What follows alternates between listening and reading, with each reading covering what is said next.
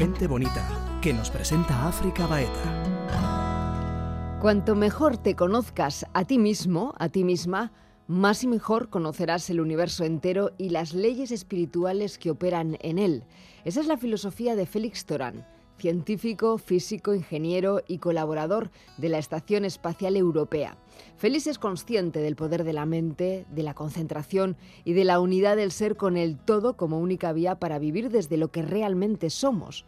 Con él hablamos del propósito de vida, de la ley de la atracción y de una frase tremendamente poderosa. Creer es crear. Gente bonita, con África Baeta. Félix Torán, bienvenido a Gente Bonita. Muchas gracias, un placer de verdad, pues gracias por la invitación. ¿Quién eres? Bueno, pues yo soy una persona como cualquier otra, un ser humano pues en su proceso de, de evolución, como todo ser humano, que se hace las mismas preguntas que cualquier otro, aunque bueno, no todo el mundo las quiere reconocer, pero todo el mundo se pregunta quién es, eh, por qué está aquí, preguntas eh, de ese tipo que antes o después se, se formula. Llevas mucho tiempo trabajando en la Estación Espacial Europea, eres ingeniero, científico. ¿Qué ocurre en tu mundo para que un buen día eh, un científico empiece a indagar y se convierta en un experto del autoconocimiento? Bueno, yo me interesaba sobre todo por el, el, el universo, su, su, faceta material, eh, que es lo que estudia, claro, la ciencia. Entonces, es lógico que buscara por ese camino, ¿no? Primero por el mundo material, que es lo que ves, lo que, experimentas a través de los sentidos y de la razón.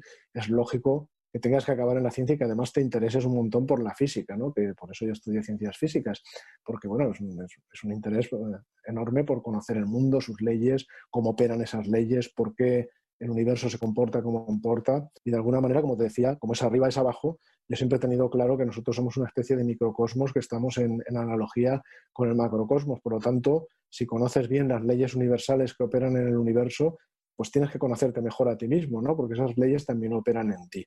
Y fue cuando llegué ya al campo de la física cuántica, cuando ya ahí empiezas a ver cómo ya la física llega a sus límites y empieza a tocar lo que ya está más allá de la materia, aunque no lo toca, porque la ciencia no se mete más allá de la materia. Para la ciencia no hay nada más allá de la materia, pero se llega a esos límites donde ya puedes tomar un montón de resultados, llevártelos a ese campo filosófico y ahí empiezas a ver cómo todo encaja con lo que los místicos y los sabios de todos los tiempos han conocido y nos han transmitido por vías no científicas, ¿no? mirando hacia su interior. ¿Nos podrías poner algún ejemplo concreto para que lo entendamos mejor? Dos partículas, tú las puedes crear, dos partículas en un estado cuántico que se llama entrelazado, es una especie de vínculo entre ellas y las puedes llevar a la distancia que tú quieras, una de la otra, y cuando tú a una partícula le haces un cambio, instantáneamente, en ese mismo instante, la otra cambia la par, su estado cuántico. O sea, es al instante, como si, si tú pensaras que se comunican información como todos pensamos, ¿no? que las, la información en el espacio y el tiempo pues, se comunica a través de señales, pues tendrías que admitir que estarían comunicándose a velocidad infinita. ¿no? Eso parece que desafía todo lo que, lo que la ciencia conoce, ¿no? ¿no? No, lo comprendes. Es decir, ¿qué es lo que une a esas dos partículas que trasciende todas las leyes y todas las limitaciones del espacio, el tiempo y la materia concebidas por el mundo físico? Ah, si te llevas eso al mundo de la espiritualidad, ahora conectas con el otro lado, pues si te quedas ahí es muy apasionante lo que quieras, pero te tienes que esperar a que un día la ciencia te explique que hay más allá, qué es lo que hace que esas partículas sea como que están unidas independientemente de la distancia, independientemente del tiempo, del espacio, etc. Pues hombre, si te olvidas de la física y te vas al plano, al plano filosófico y a lo que nos dicen los sabios del pasado, tampoco es tan misterioso, ¿no? Porque en el universo realmente todo está unido a todo. O sea, las distancias, las duraciones en realidad no existen. Lo que hay únicamente es un eterno aquí y ahora. Así que todo está unido a todo en esos planos. Así que no será que estamos ya tocando los, los bordes que separan el mundo físico de lo que sería ya el plano etérico y los planos superiores, de los que tanto nos han hablado los místicos del pasado, pues ahí tienes pues uno de esos roces, ¿no? Y, hay muchos más.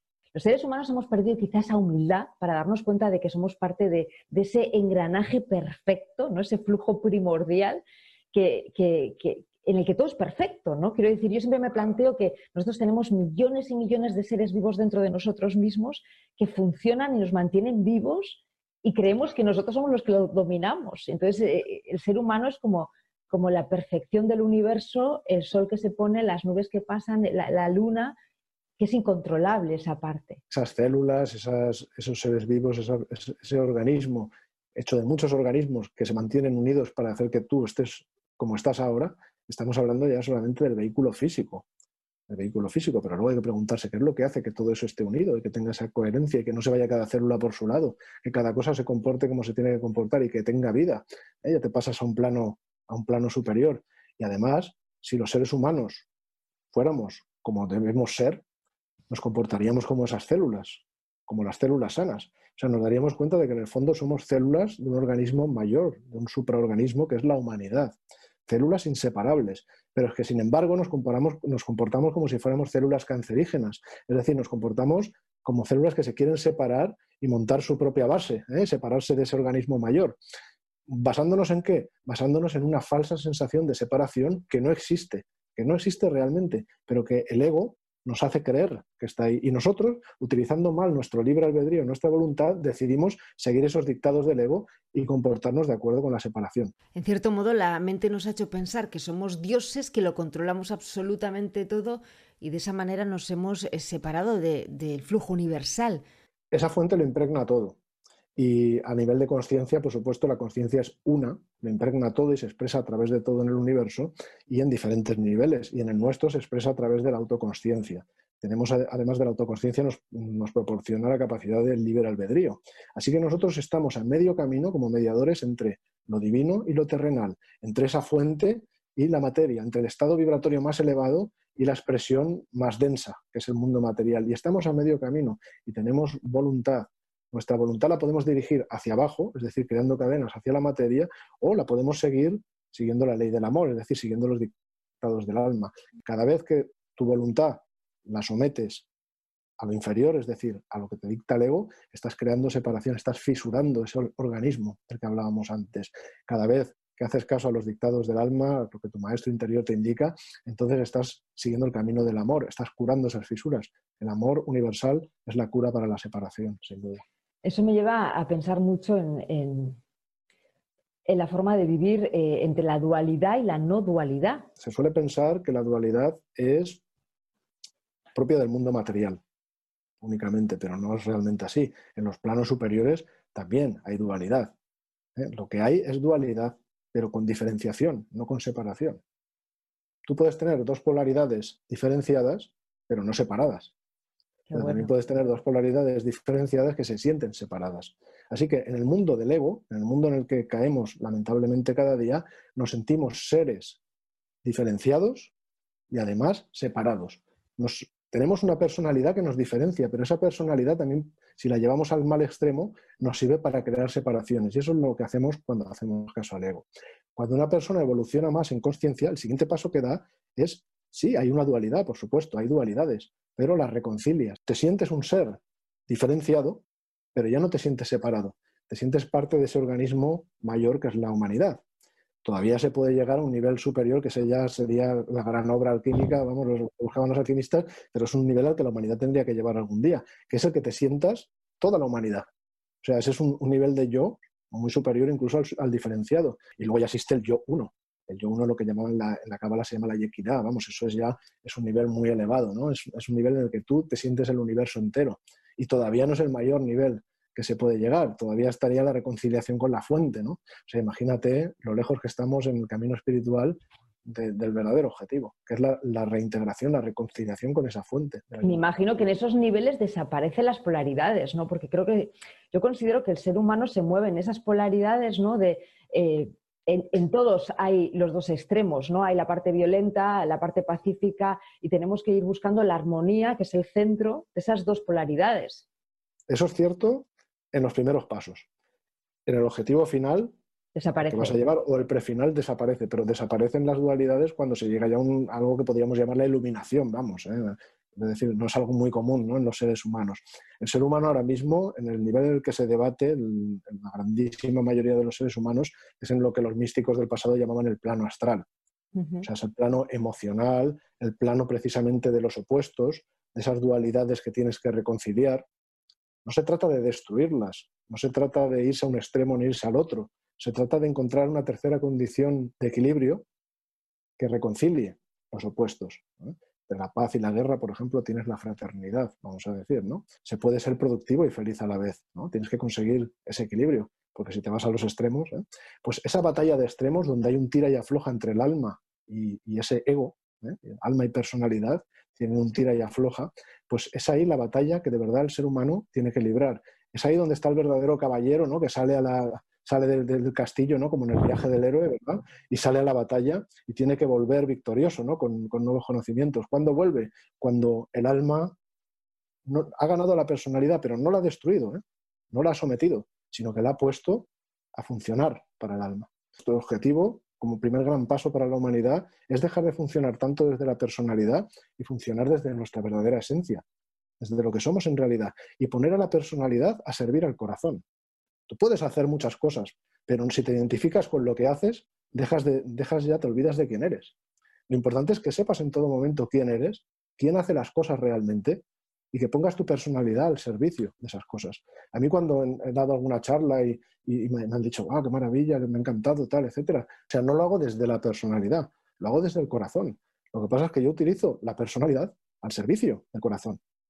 El que hace las cosas, el que da la charla, el que hace cualquier otra cosa en la vida que sale bien, no es ni tu nombre, ni tu apellido, no es como eres, no es tu personalidad, no son tus rasgos psicológicos, ni tus emociones, ni tus recuerdos, ni tus ideales, no, no. Todo eso es la personalidad. Todo eso sirve a quien realmente hace las cosas. Y si tú funcionas desde quien realmente hace las cosas, puedes utilizar esa personalidad como un instrumento maravilloso para conectar con el mundo material. Y ese es el verdadero orden en el que hay que trabajar. Pero claro, eso hay que alcanzarlo. ¿Cómo llegar a pensar desde el corazón? Lo primero que hay que hacer es en ese campo de batalla que te decía de esas dualidades, etcétera, etcétera, hay que hacer una purificación. Hay que hacer una purificación, hay que empezar a, quitar de lo malo, a quitar la mala hierba y a plantar la buena semilla. Por lo tanto, una primera cosa que en todos los caminos, todos los caminos espirituales es fundamental, es estar atento vigilante ante esas actuaciones del ego para transmutarlas darte cuenta de cuándo llegan las, semillas de mala hierba para pillarlas a tiempo y que no echen raíces. Está el pensamiento, la palabra y la acción. esos son los tres niveles a los que funciona el ser humano.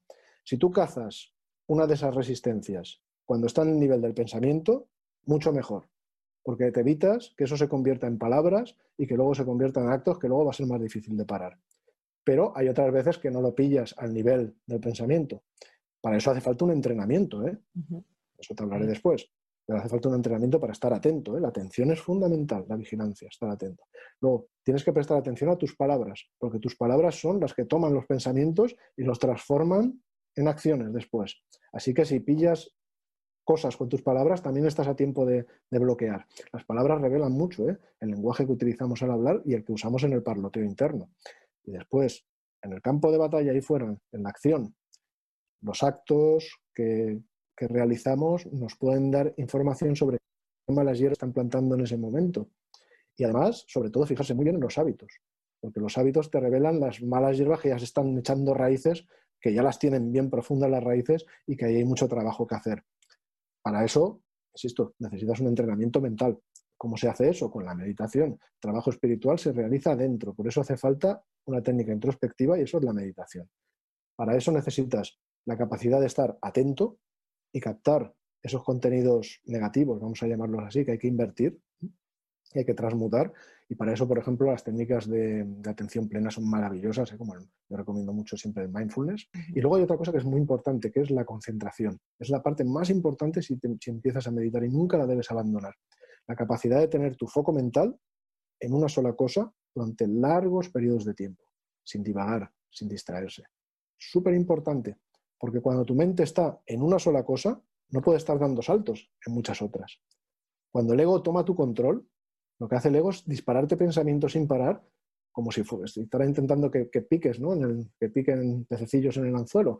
Y es que al final la atención se va disparando a unos y a otros y entonces toma tu control. Cuando eso pasa, tu voluntad apunta hacia abajo. Has abierto la puerta hacia el mundo material donde te quejas, donde eres infeliz, donde dices que las cosas no son como deben ser, etc. Ahora, cuando tu mente está concentrada, el ego no te puede tocar. La mente está en una sola cosa, el ego puede disparar lo que sea, pero tu mente no se va a ningún lado y al final deja de disparar. Esa puerta de abajo se cierra y te quedas expuesto hacia lo de arriba. Y ahí es todo ya luz, es amor y es el buen camino. Y luego falta un tercer factor que no se debe olvidar, es echar leña a ese horno ¿eh? ese horno alquímico que viene a ser el corazón, y esa leña es el amor, el amor universal. el objetivo que se busca es el objetivo de elevar la conciencia. Elevar la conciencia requiere amor universal, requiere la vía que va hacia arriba, la de la unión. No hay nada que una más en el universo que el amor universal. Así que hay que practicar cualidades y cultivarlas que no todo el mundo les presta mucha atención. Cualidades de amor universal, el perdón, la gratitud, la alegría empática, la compasión. Eso requiere un trabajo en, la vida, en el campo, pero también es un trabajo interior que se entrena a través de la meditación. Y realmente cuando lo practicas y cuando empiezas a, trabajar esas cualidades, realmente te das cuenta de que, cambian la vida, ¿eh? cambian la vida y cambian la perspectiva totalmente. ¿Cómo trabajar la concentración? ¿Cuáles serían los, los, pasos concretos? Mira, los tres pasos que hay que hacer para practicar la concentración son siempre los mismos. ¿eh? Son primero, relajar el cuerpo. Si el cuerpo no está relajado, mala cosa, porque se va a convertir en una fuente de distracciones. Segundo, centrar tu foco de atención en una sola cosa. Y tercero, cada vez que se vaya, en cuanto te des cuenta, vuelve rápidamente a tu objeto de concentración. ¿Qué pasa? Que hay tantas formas de relajar el cuerpo y hay tantísimos posibles objetos de concentración que puedes utilizar que es que, vamos, hay montones de técnicas. Puedes usar mantras, puedes usar sonidos vocales, puedes usar, por ejemplo, afirmaciones. Hay quien medita, practica la concentración con la oración, por ejemplo, ¿no? con una repetición de alguna oración sencilla. Puedes usar símbolos visuales o con tu, con tu visualización creativa, etc. Eso es concentración.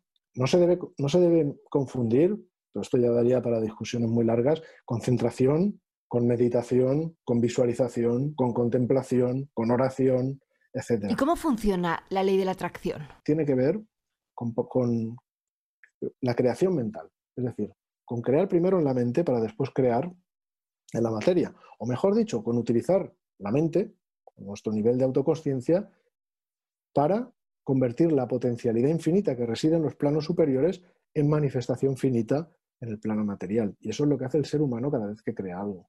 Eso en el tarot los sabios del pasado lo manifestaron en el arcano número uno. Te fijas, está perfectamente, perfectamente representado lo que acabo de decir en el mago del tarot.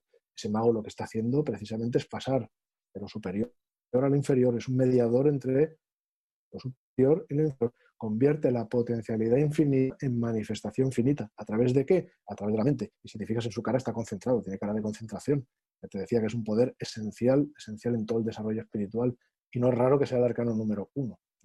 Entonces, bueno, la ley de la atracción te enseña a, eso, a, crear en los planos superiores. Cuando tú ya has creado una forma mental en los planos superiores, esa forma está deseando manifestarse en los planos inferiores, en el mundo material, pero no lo va a hacer si tú no te conviertes en un canal o si no creas ese canal para crear ese canal tienes que seguir una serie de pasos. Tienes que hacer como hace ese mago, ¿no? Tienes que convertirte en un canal que convierta esa potencialidad en manifestación. O esa forma mental que todavía está hecha con energía, con materia mental, en algo que está hecho con materia física. Para eso hay que pasar a la acción y hay que estar atento a las sincronicidades. Hay toda una serie de pasos. ¿eh? Bueno, pues mm, el paso más importante de todos es la visualización creativa. O sea, porque tenemos ese poder maravilloso que solo tenemos aquí en este planeta, desde luego los seres humanos, no está en el reino animal, ni vegetal, etcétera, que es el, poder consciente ¿no? de, de crear formas mentales a voluntad. Para eso necesitas crear en tu mente, de ver en tu mente. Eso es la visualización creativa. Eso es lo que pone en marcha la ley de la atracción. Tú eh, deseas hacer realidad un proyecto, deseas hacer realidad algo muy concreto, tienes que verlo primero en tu mente. Si lo quieres ver al revés, todo lo que las cosas más grandes que el ser humano ha creado siempre han sido creadas primero en una o varias mentes, necesariamente. Se puede formar incluso una forma mental común que mucha gente alimenta, pero ha empezado en la mente humana, ¿no? Y empieza en forma de imágenes. Para eso hace falta imaginación, pero no basta la imaginación, ¿eh? Imaginación todo el mundo la tiene, ¿eh? no, hay ningún ser humano que no tenga imaginación, no se podría tener una vida normal, de hecho no tendrías ni siquiera noción del tiempo sin, sin imaginación. Pero no, no, eso no es visualizar todavía. Para visualizar te hace falta la imaginación, pero le tienes que añadir la concentración. Es decir, tienes que imaginar con tu imaginación, crear una forma mental de lo que deseas, pero con tu concentración sostenerlo en tu mente, aguantarlo, darle toda tu energía. Entonces sí, entonces sí que has grabado esa imagen, digamos, en los planos superiores. Esto en el tarot está representado por la emperatriz. El arcano número 3, la emperatriz, es ese potencial de crear, de crear imágenes mentales por eso la emperatriz está embarazada, tiene la, potencialidad de, crear, pero con forma, con forma mental, ¿verdad? El concepto es muy simple. La ley de la atracción lo que te viene a decir es que esas formas mentales que tú creas ahí arriba atraen a formas mentales similares, porque lo similar atrae a lo similar. Entonces, lo que hay arriba se va a juntar de manera súper natural y sin ninguna limitación, porque no hay las limitaciones del mundo material, lamentablemente aquí en el mundo material no es tan fácil. Lo que hay arriba está unido, aquí está separado. Y aquí vivimos en un mundo de separación, de distancias innecesarias, de limitaciones espaciotemporales, etcétera, etcétera. Así que tú tienes que hacer de mediador para facilitar todo eso. Y las piececitas que tú puedes unir para que lo que está arriba unido se pueda unir aquí abajo, tomar forma material, esas piececitas llegan y llegan en forma de sincronicidades y en otras formas. Te pueden llegar sueños, por ejemplo, te pueden llegar revelaciones por intuición, intuición es fundamental en el proceso espiritual. La intuición en el tarot también está representada, el arcano número 5, el hierofante, precisamente representa la, intuición. Y, por ejemplo, te pueden venir también eh, momentos de inspiración y te pueden venir esas sincronicidades esas aparentes casualidades que no lo son. O sea, sucesos que están unidos entre sí, pero no por relaciones de causa y efecto, sino por su significado. Por ejemplo, tú piensas en, alguien y suena el timbre, y alguien que no ves hace mucho tiempo, suena el timbre y es esa persona. No hay causa y efecto. Cuando tú piensas en alguien no suena el timbre. Son efectos, o sea, son sucesos independientes, no son causales, uno no ha causado el otro, pero sin embargo se han unido. Se han unido además a través de un pensamiento han convergido de alguna manera y, bueno, eso es una sincronicidad, ¿verdad? ¿Qué, ¿Qué, hacer con una sincronicidad? Si la quieres echar a perder, intenta explicarla. Si la quieres echar a perder, porque como no hay eh, causalidad, entonces no hay explicación. Pasa es que el ser humano funciona mucho por pensamiento inductivo, somos muy, muy adictos a la inducción mental, ¿no? A la inducción al razonamiento inductivo y nos gusta pasar de los efectos a las causas, nos gusta enseguida encontrar la explicación a todo y a la sincronicidad le hacemos lo mismo. Cuando no encuentran la explicación porque no la tienen, porque no hay causalidad, entonces metemos la sincronicidad en un saco donde metemos todo lo inexplicable, que es lo que llamamos casualidad. Nadie sabe lo que es una casualidad, no tiene definición, casualidad no existe. La casualidad es un nombre genérico que le das a algo que no sabes explicar por causa y efecto. Pero Alguna explicación tiene, por supuesto, porque en el universo todo es causal. Con la ley de la atracción tú te centras mentalmente en el qué. Y tienes que dejar grados de libertad para que el universo te vaya mostrando el camino. ¿Cómo? Con esas sincronicidades que te trazan el camino a seguir. Tú lo vas viendo y entonces sabrás el camino que tienes que seguir. Dime una cosa, ¿existe el propósito de vida o es un concepto unitario? Estamos aquí para servir. ¿Para servir a qué? Para servir a un plan. ¿Un plan de qué? Un plan de regreso a la unidad. ¿Por qué regreso a la unidad? ¿Por qué, hablamos, por ejemplo, de religión? Cuando se hablan de caminos espirituales, porque uno de esos tipos de caminos se llama religión. Religión viene de religare, del latín, volver a unir. O sea, algo que estaba unido y de lo que nos hemos separado por algún tipo de error, hay que volver a unirlo, ¿eh? hay que volver a esa unidad. Pues ese es el propósito. El propósito es el retorno. Todos los caminos, ya me digas esotéricos, ocultistas, religiosos, etcétera, todos buscan lo mismo, pasar de esa separación a la unidad volver a unir lo que anteriormente estaba unido y por alguna razón se fracturó. Cada cosmogonía te lo explica de una manera. La cábala luriana te explica de una forma, el Tratado de la Reintegración de Martínez de Pascual te explica otras cuestiones, los textos sagrados te explican otras, pero todos van de lo mismo. Entonces el propósito es eso, eso es el propósito a nivel espiritual, servir a ese plan de retorno a la unidad y cada uno sirve con su misión. Tu misión puede ser la tuya, la mía puede ser la mía y pueden evolucionar en la vida, ¿eh? no hay nada que lo impida. Otra cosa es la visión. La visión con V, eso ya es en qué te quieres convertir en el futuro. Eso es como, como una de esas visiones de la ley de la atracción, como un objetivo, pero a muy, muy largo plazo, todo un ideal. ¿no? Son, son eh, pequeñas cositas que hay, que hay que tenerlas claras porque si no se mezclan los conceptos. Y, luego sí, se ve, lo ves, ¿no? Como, como mucha gente llama visión a lo que es misión y, viceversa. ¿no? una pregunta que se me ha quedado en el tintero, ¿no? Que no hemos hablado de, la realidad. ¿Existe la realidad? Es decir, los sentidos nos engañan, ¿no? El sentido nos enseña, tú mismo lo dices, ¿no? Que nos enseñan un porcentaje mínimo de, la realidad que nos envuelve, ¿no? Sí, bueno, son dos niveles, ¿no? Platón ya hablaba de ello, con los noúmenos y los fenómenos, ¿verdad? Y eh, básicamente, bueno, tenemos que entender una cosa, el universo es un océano vibratorio. O sea, es un océano de vibraciones, todo en el universo es energía en vibración. Y nosotros estamos navegando en ese océano vibratorio con cinco sentidos básicamente, y un potencial intelectual, pero con cinco sentidos muy limitados. ¿eh? Sí, son muy, muy potentes y lo que quieras, pero solo son cinco y además tienen sus limitaciones, tienen errores, no solamente errores por enfermedades y demás, sino también errores implícitos. Por ejemplo, la vista tiene errores con el tema de la perspectiva, ¿no? un señor y otro pueden parecerte de la misma estatura y resulta que uno es que está más lejos y la foto te engaña. ¿eh? Esto puede pasar. Así que tienes sentidos que a veces fallan, que introducen errores. Además, luego hay una percepción mental, todo un proceso objetivo que también introduce errores. Hay todo un proceso de razonamiento que también saca errores de ahí, razonamientos de eh, errores inductivos, errores de deducción, errores de silogismos alguna vez, etcétera, etcétera. Así que fíjate, vemos todo un universo material increíble, increíble, que es todo vibración. Nos quedamos solo con algunos rangos de esas vibraciones, ¿no? rango auditivo, rango visual, etcétera, etcétera. Introducimos todo tipo de errores y luego creamos nuestro propio mapa de, esa realidad. Así que está la realidad, luego está ese mapa lleno de errores de la realidad, que cada uno tiene el suyo y es diferente, y fíjate lo que nos estamos perdiendo del mundo material. Así que ni contarte ya todo lo que te pierdes de los planos superiores, ¿verdad?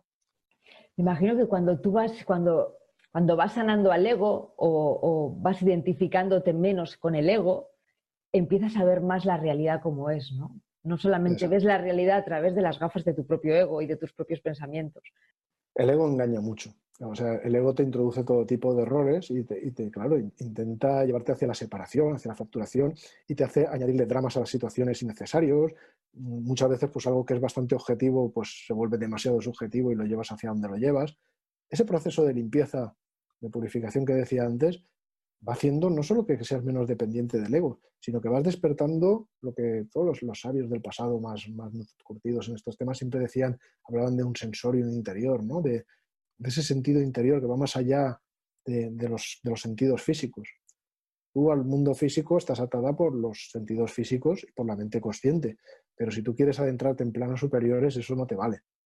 Ahí no se accede ni con esto ni con esto, se accede con esto. Hay que despertar ese sensorio interior. Por eso la meditación es tan importante, porque te permite mirar hacia adentro. Para mirar hacia arriba hay que mirar hacia adentro. Para mirar hacia afuera ya tienes los sentidos físicos y la mente. Y fíjate los errores que nos conducen. Conforme vas haciendo ese proceso, pues vas limpiando todo ese procedimiento de errores, le vas añadiendo más parte de realidad, ¿no? Porque añade los planos superiores y es pues un proceso de, yo creo que de varias vidas, vamos. Y ese es el camino de la felicidad. Bueno, el camino de la felicidad es que la felicidad es un camino. O sea, la, felicidad no es un, un, camino que conduce hacia algo, hacia un objetivo final, el que llamamos felicidad. Eso es una mala comprensión de la felicidad. Eso si acaso sería éxito, pero no felicidad. La felicidad está en el propio camino. Así que la felicidad es un camino. La felicidad está siempre en nosotros. Nosotros, por naturaleza, somos felices. todo lo que necesitas para ser feliz lo tienes dentro, porque no hay otra cosa más que la felicidad. Lamentablemente, nos encontramos en un estado de separación de esa felicidad que nos corresponde por derecho y que ya tenemos dentro. Y lamentablemente, por hacer caso al ego, precisamente, y por esa, esa sensación falsa de separación, nos separamos de esa verdadera felicidad que ya tenemos dentro. Entonces, el camino de, de, alcanzar la felicidad no se trata de alcanzar la felicidad, porque la felicidad no se puede alcanzar. Tú no puedes alcanzar algo que ya tienes dentro. Lo que sí que puedes alcanzar es conectar con la felicidad de nuevo. O sea, recuperar esa distancia que has creado y volver a lo que te pertenece por derecho y a lo que ya tienes dentro. Todos quieren ser felices, todo el mundo quiere ser feliz. Todas las cosmogonías te lo explican de una manera o de otra. Por ejemplo, en la cábala luriana se habla del resimu, ¿eh? que viene a ser un, residuo que nos queda a todos los seres humanos de aquella unidad de la que te hablo, antes de que el universo se separara ¿no? o, de, o, de, que se creara toda esa separación que nos ha traído hasta donde nos ha traído, pues digamos, cuando vivíamos en esa total armonía, en esa unidad con la fuente, pues nos ha quedado ese recuerdo y por eso el ser humano lo tiene dentro y desea volver a esa unidad. Por eso todos buscamos la felicidad. Es una explicación cabalística que no voy a entrar, pero vamos, si te vas a cualquier otra cosmogonía, siempre tienes, siempre tienes algo que te indica ese deseo de volver a la unidad. La interrumpimos, la felicidad, la interrumpimos, ¿verdad? Bueno, lamentablemente sí, es verdad, porque la, distracción, cada, vez que estás eh, demasiado distraído, con la mente estás creando interrupciones y te estás separando del momento presente, que es precisamente donde puedes encontrar esa reconexión. Hay que introducir un poquito más de momento presente en nuestras vidas. No, vas a conseguir pasarte la vida entera en momento presente. En el mundo material, lamentablemente, tiene sus limitaciones y, estamos en él, pero si queremos salir poco a poco como humanidad de esas limitaciones, tenemos que hacer todos un trabajo dentro. Si cada ser humano se lo toma en serio, practica la meditación, intenta reconectar con el instante presente varias veces al día, no sé, dedicar cada tres o cuatro horas un par de minutitos a observar tu respiración, por ejemplo, o a concentrarte en un sonido, a escuchar lo que hay alrededor, simplemente escuchar. Este tipo de ejercicios te van ayudando a poner un poquito más de verdadero tiempo en el día a día que está lleno de falso tiempo, ¿no? Está lleno de productividad y de falta felicidad, ¿verdad? Félix, qué maravilla escucharte, de verdad, cuánta sabiduría en tus palabras. Ha sido un auténtico honor que nos hayas dedicado este tiempo y me gustaría que cerraras con, algo, con algún consejo, con alguna frase, como, como, como, te salga del corazón. Claro que sí. Pues bueno, yo decir, decir a todos los que nos estáis escuchando que la práctica de la meditación no es ninguna tontería, no es ninguna moda, no es ninguna moda. De hecho, se practica desde hace milenios y, es bien conocida. Y es, es más casi una medicina para la humanidad y yo siempre digo que cada vez que una persona empieza a practicar la meditación, el mundo se salva un poco más. Y no es una exageración, es absolutamente la realidad, es ese, ese problema que decíamos antes de la separación, pues la solución precisamente es unir y ese camino empieza por ahí, por la meditación. Así que yo os animo a todos a que practiquéis. Eh, recursos, Yo, comparto muchísimos en mis redes y los encontraréis fácilmente, totalmente gratis para aprender a meditar y, es necesario. Y esa es la forma de convertirnos en unos mejores servidores, servidores a ese plan de retorno a la unidad. Plan que comienza por dejar de comportarnos como células separadas y empezar a comportarnos como parte de un organismo común que es la humanidad. Y ese camino solo lo vamos a conseguir con el amor. Así que eso es lo que os deseo a todos, que practiquéis la meditación y que pongáis todo el amor universal posible en vuestras vidas. Muchas gracias, Félix. Ha sido un auténtico placer. Igualmente, gracias.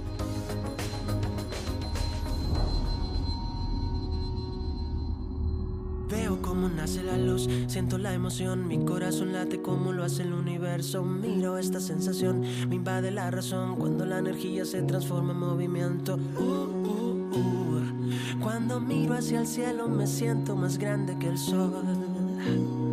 El secreto está en esta canción. Siento en mí una gran explosión. Los planetas se alinean y la vida da comienzo. El viento en calma alrededor. Es el pulso de mi sangre que recorre este misterio. Uh, uh, uh. Cuando miro hacia adentro, el silencio nos habla a los dos. Una estrella en el centro de Orión. Lo dice el aire, lo dice el viento.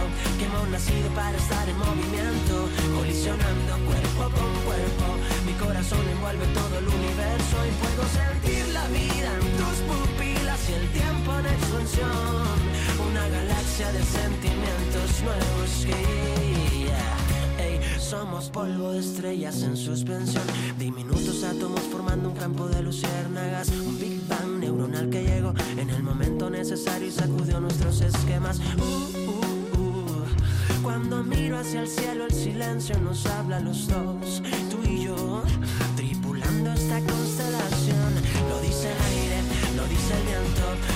nacido para estar en movimiento, colisionando cuerpo con cuerpo. Mi corazón envuelve todo el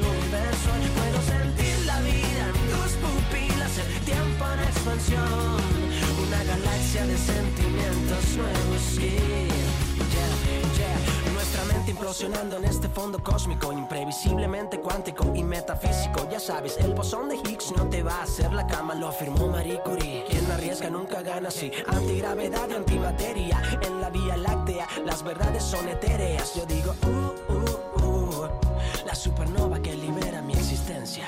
Lo dice el aire, lo dice el viento, que hemos nacido para estar en movimiento, colisionando cuerpo con cuerpo. Uh, uh, uh.